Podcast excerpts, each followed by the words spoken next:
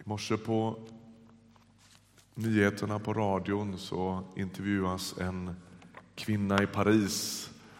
Och så säger den svenska reporten så här, när jag intervjuar henne så säger hon samma sak som de flesta gör. Det vi inte får drabbas av nu, det är rädsla. För då blir det farligt. För det är ju så det är, rädsla är ingen bra drivkraft. Då tänker man inte klart, eller hur? När man hamnar i situationer när man blir riktigt rädd så liksom far ju klokskap och analys och liksom vett ut på något sätt. Och dagens predikan den heter Var inte rädd. Och jag skulle vilja läsa från andra Timoteusbrevet, några verser tillsammans med er. Från, vi läser från vers 1 i kapitel 1 för dig som vill läsa med i din bibel.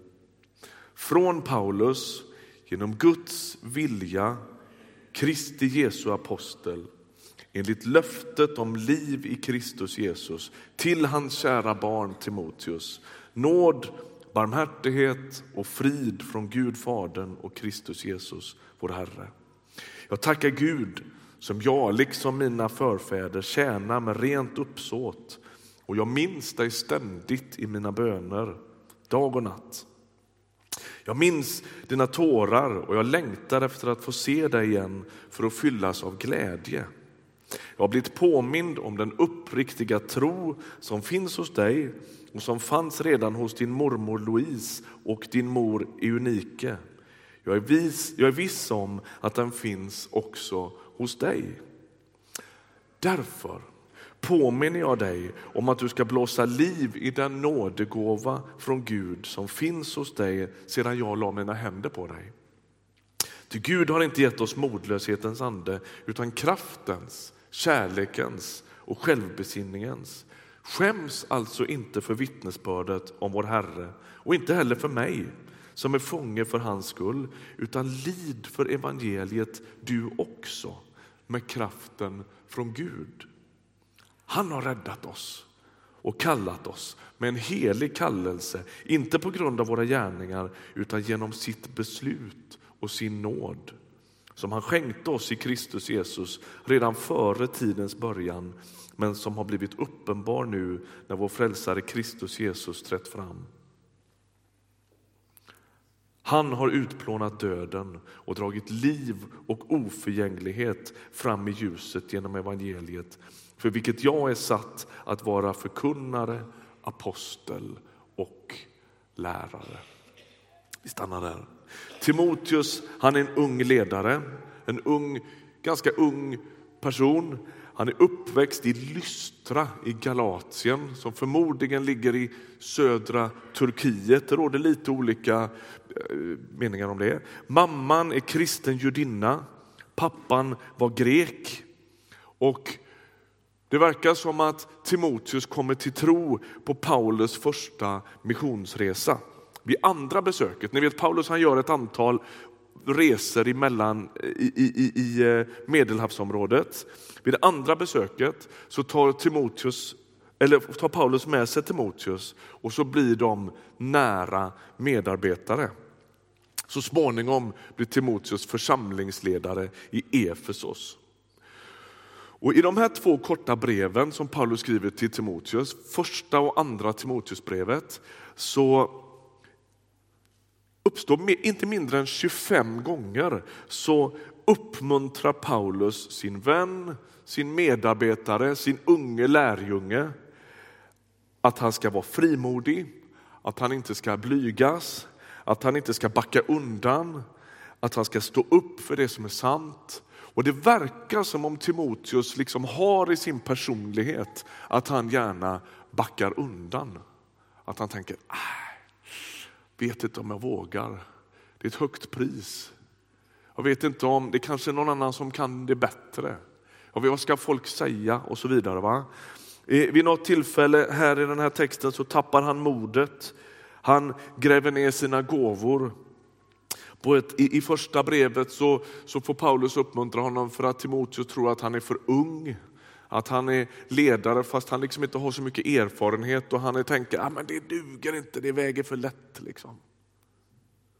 På det hela taget så verkar det finnas i Timoteus personlighet en sorts eh, tendens att liksom kliva in i skuggorna och gömma sig lite grann. Det är inte värt det. Folk kan vara så okänsliga. De kanske misstror mina avsikter. De kanske tror att jag är kaxig. De klappar mig på huvudet och säger att jag är för ung. Ja, ni vet alltihopa det där. Och så finns den här texten här då. Eh, att Gud har inte gett oss modlöshetens ande. Låt oss stanna lite för det där uttrycket modlös. Om man slår upp det i ett synonymlexikon så får man följande synonymer. Modfälld, modstulen, nedslagen, slokörad och sorgsen. Är ni med? Slokörad, är inte det ett rätt bra ord ändå? Va? Att vara slokörad när man bara känner oh, jag orkar inte mer eller jag vågar inte mer eller jag Ja, ni vet. Och kanske Timoteus gör som du och jag gör ibland. Han tänker, vad ska folk tycka? Och så kommer den där rädslan och liksom trubbar av allt. Den kodar allting. En finsk tonsättare som heter Erkki Melartin, han har sagt så här. Rädslan för att synas löjliga är ofta det största hindret för förverkligande av våra bästa känslor och ädlaste impulser. Och tänk, tänk, att det kommer från en tonsättare då, som skriver musik och som på sätt och vis blir ganska utsatt. Så är det ju. När man visar något man har gjort så är man rätt sårbar. Och rädslan är det som skulle kunna få en att aldrig göra det där som finns djupt i ens liv och som faktiskt är något gott. Och så säger Paulus till, till Timoteus här, blås liv i nådegåvan som Gud har lagt i ditt liv. Och det där blåsa liv, det har med eld att göra. Ni vet när man står på eh, vårkanten och försöker tända den där grillen och så har kolen stått ute på altanen hela vintern. Mycket bättre att köpa ny. Det är lite blött liksom. Och man får blåsa och man får greja och man får försöka för att se att det blir lite fart på det där. Liksom. Och hur man gör så blir det liksom ingen riktig fjutt och man blåser och man blåser och man blåser. Så, va? Och det yr en massa bös och, och, skräp och grejer men det blir liksom inte så mycket till, till eld. När, när, Paulus försöker locka Timoteus så, så använder han en bild som har med att blåsa liv i elden att göra. Så, blås på det så att det tar fart igen.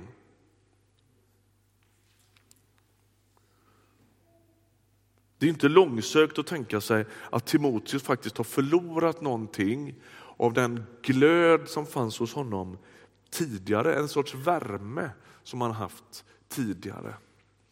Ibland blir jag lite bekymrad när jag tänker att vi har fått för oss att glöd och värme har med ungdomlighet att göra. När jag var ung evangelist och var ute och predikade i kapell runt om i Sverige så hände det ganska ofta, jag var kanske 21 år gammal, 22 och tyckte jag hade koll på livet. Men oavsett vilket så hände det ganska ofta att någon kom och kanske inte fysiskt klappade mig på huvudet men det var liksom hela stämningen. Ja, ja, ja, du lugnar snart ner dig. Du blir snart som vi. Och jag tänkte, gode Gud, låt inte det hända. Är du med? Och då tänker jag, eld kan inte handla om att det ska brinna i baken, men det måste få brinna i hjärtat. Givetvis tar sig värme och eld andra uttryck när man är 47 år gammal än det gjorde när man var 21. Men det är som att Timoteus uppmanas, tappa inte bort glöden, tappa inte bort värmen. Låt inte rädslan krympa dig. För det är nämligen vad den gör. Man blir en mindre människa av att vara rädd.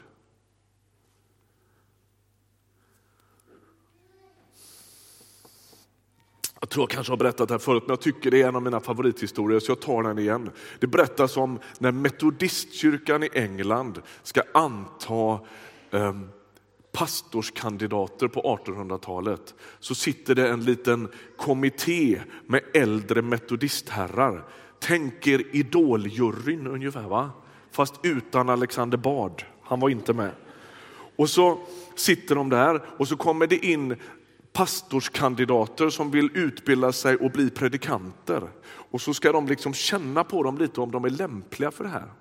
Det här är under en period när det är ganska tuffa tag att vara metodistpredikant och det är förföljelse och man liksom utmanar och man är otroligt frimodig. Och så sitter, kommer det in en ung kille och så berättar han om hur han tänker och de tycker att ja, han svarar väldigt smart, han svarar väldigt korrekt. Men det är liksom något som fattas på något sätt. Han är rätlinjig och han är korrekt men det, liksom, det brinner inte riktigt. Och så rätt vad det är så är det en i den där lilla kommittén, en äldre metodistman som säger du, om man tar dig i fötterna och doppar dig i Themsen, fräser det inte åtminstone lite då? Visst är det bra? Alltså, därför att till sist räcker det inte med att ha koll, liksom, utan man måste ha vårdat sitt, sitt, sin värme också. Vad, vad är du passionerad för? Vad brinner du för? Och Det är som att Timoteus får, får liksom lockas ut på den banan. Kom igen Timoteus, blås! Ungefär som en sån här blåsbälg. Blås liv i det som Gud har lagt ner i ditt liv. Det har liksom falnat på något vis. Notera då att det är givetvis Gud som har gett Timoteus gåvan. Han har inte tagit den själv. Han har liksom inte hållit på att spela sina kort rätt och greja utan han har fått en gåva från Gud att stå i tjänst för honom. För honom handlade det sannolikt om gåvan att leda och gåvan att undervisa, men det skulle lika gärna kunna handlat om något annat. Kanske det för dig handlar om att vara generös, barmhärtig, gästfri, starta och driva verksamheter, dela din tro med andra. Vad vet jag? I grunden tänker jag att den här texten ändå handlar om att frimodigt stå för sin tro. Att inte bli så styrd av sin rädsla att man backar in i skuggan. I vers 8 så säger Paulus, skäms alltså inte för vittnesbördet om vår Herre och inte heller för mig, säger han. Kanske du är som Timoteus. Du tenderar att skämmas för det enkla budskapet om Jesus. Du finns i miljöer där det tänks otroligt djupa tankar och folk verkar ha sån koll och det verkar vara så filosofiskt, eller vad vet jag, det kanske är tvärtom. Det kanske är, inte finns utrymme för det överhuvudtaget. Vad vet jag i vilken miljö du lever i? Men någonstans tänker du bara, äh, jag vet inte, det känns inte som att det kommer att landa bra. Och så har du tystnat på något sätt. Du tänker att de som du hänger dagligen med, de är inte intresserade eller de behöver inte det. Och du tänker det där med Jesus, det är exceptionellt otidsenligt. Och så säger han, skäms inte heller för mig, säger han. Och tänker, hur ofta har vi inte skämts för andra kristna? Kanske du har skämts för din pastor, vad vet jag? Men vad skulle hända om du återfick din frimodighet? Att säga något om tron. Att imorgon när du kommer till jobbet eller till skolan eller till dina vänner över staketet eller vart du nu är och de frågar vad har du gjort i helgen? Du skulle säga jag har faktiskt firat gudstjänst bara för att se vad som händer när man säger det.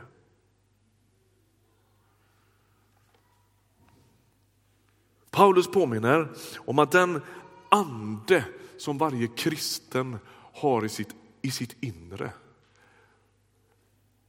alltså Gud själv som bor där, inte är modlöshetens ande. Och det kan låta väldigt hurtigt. Om, om vi liksom navigerar fel här så skulle det här kunna uppfattas som någon sorts hurtigt självhjälpskör. Liksom. Men så ska inte den här texten förstås. Timoteus behöver fatta mod och han behöver förstå på något sätt att den modlöshet som hela tiden hotar att övermanna honom som hotar att binda honom. Den rädsla och modlöshet som gör att han liksom backar och tappar sugen, den är inte från Gud. Den ska inte förväxlas med ödmjukhet, utan den kan botas. Man kan botas från den. Och så säger Paulus så här, motsatsen till modlöshetens ande, det är kraftens, kärlekens och självbesinningens ande. Och det, det första är kanske ganska enkelt att, att, att tänka sig. Va? Gud ger kraft att våga. Gud ger också kärlek till människor och jag tänker att ibland är det det som behövs. Att man älskar mer än man är rädd. Att rädslan talar, att kärleken, förlåt, att kärleken talar högre än min rädsla. För att det kanske är då man gör det man egentligen inte vågar. Men så kommer det ett märkligt ord. Då säger Paulus, du, du behöver inte vara modlös utan du kan få del av självbesinningens ande. Varför behöver Timoteus det? Han verkar ju snarare behöva gasa. Eller hur? Har inte vi en lite snäv bild av det då? Vi tänker kanske att det är den som springer längst fram som behöver besinna sig, som alltid gasar och som aldrig tänker efter. Men kom igen, besinna dig lite. Men här antyds det att också den som gömmer sig i skuggorna behöver ägna sig åt en viss självbesinning. Man kan i sin blygsel, i sin rädsla förlora besinningen.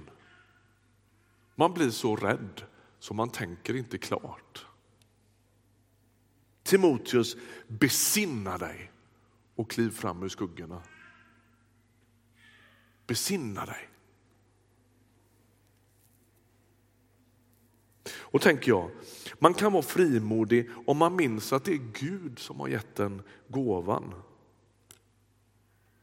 Jag står inte här inför alla er för att jag tänker att jag har kryssat mig fram i livet och spelat mina kort rätt. Utan jag kan bara ödmjukt konstatera, jag tror Gud har lagt ner en gåva att förkunna och jag vill göra det så bra jag kan.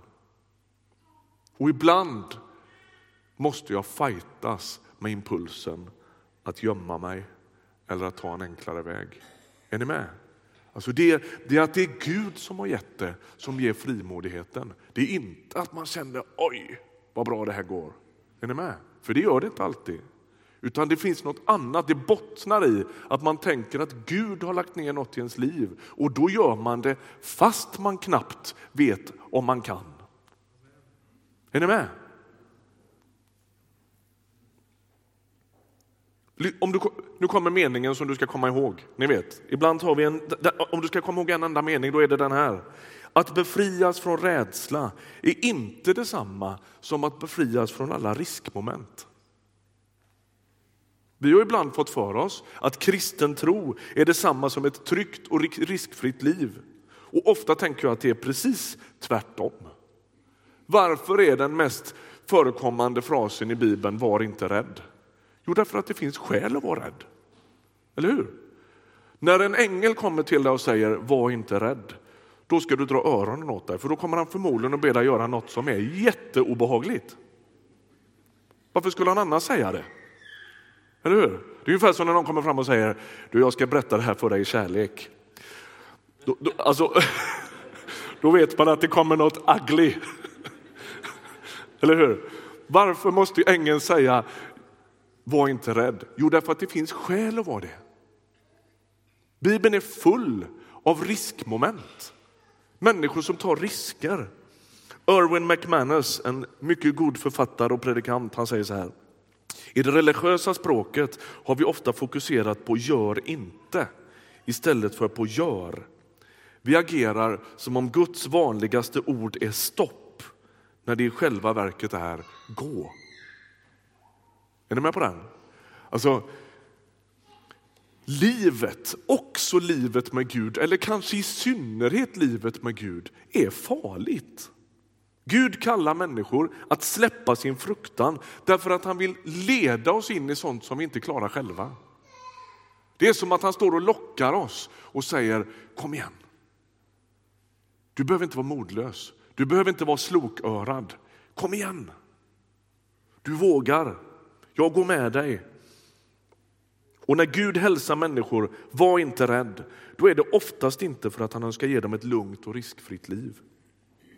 Tvärtom får de den försäkran, du behöver inte vara rädd, jag går med dig.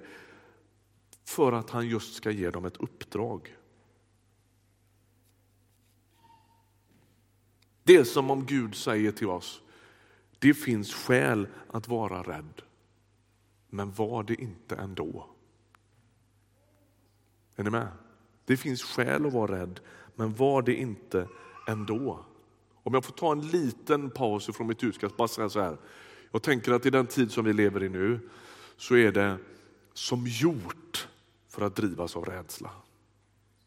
Det är som gjort för att drivas av rädsla.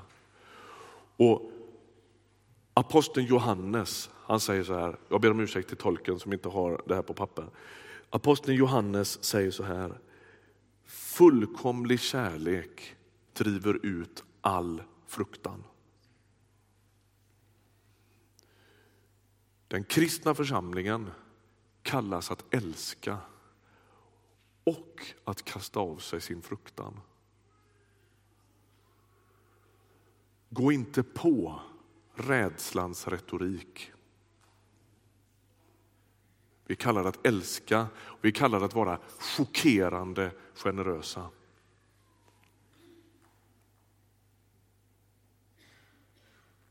Det finns skäl att vara rädd, men var det inte ändå. Så kortfattat är mitt enkla budskap idag. Vi, inte minst i en tid som vår med terroristattacker, osäkerhet och blixtsnabba förändringar i samhället och i våra liv. Vi söker gärna efter bilder som har med kristen tro och trygghet att göra. Oföränderlighet, fasthet. Du vet, Gud som den fasta klippan, Gud som borgen, Gud som tryggheten, Gud som den, den liksom trygga hamnen. Alla de bilderna är ju sanna och djupt bibliska. Men det finns ju också andra bilder som handlar om otålighet, mod, att våga överträda gränser, att be Gud bota ens rädsla, att liksom ta Gud i hågen och säga det här vågar inte jag men jag gör det ändå. Och det skulle jag vilja skicka med dig idag. Jag skulle vilja uppmuntra dig som Paulus uppmuntrar Timoteus. Kliv fram ur skuggorna. Våga säga något om Jesus där du går fram. Våga stå för vem du är. Våga, skäms inte för evangeliet och skäms inte heller för oss som är här. Jag tror att i Guds närhet kan man få ett mod som man inte naturligt äger. Jag skulle vilja liksom inbjuda dig till det. Han kan bryta fruktan i ditt liv, vare sig det gäller din familj, ditt jobb, ditt äktenskap, hur världen ser ut, whatever. Han kan bryta fruktan och modlöshet i ditt liv och locka dig ut ur skuggorna. Ska vi be tillsammans?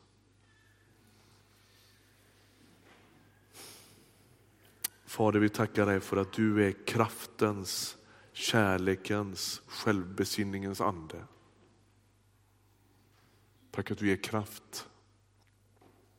Tack att du fyller på vår kärlek. Tack att du också hjälper oss att besinna oss när vi gå vilse, när vi drabbas av rädsla, när vi drabbas av fruktan. Fader i Jesu namn, vi ber att få följa tätt i dina spår. Vi ber att få bli som du. Herre, förlåt oss för att vi är så försiktiga när vi följer en som så många gånger är så oförsiktig. Prägla oss med ditt mod.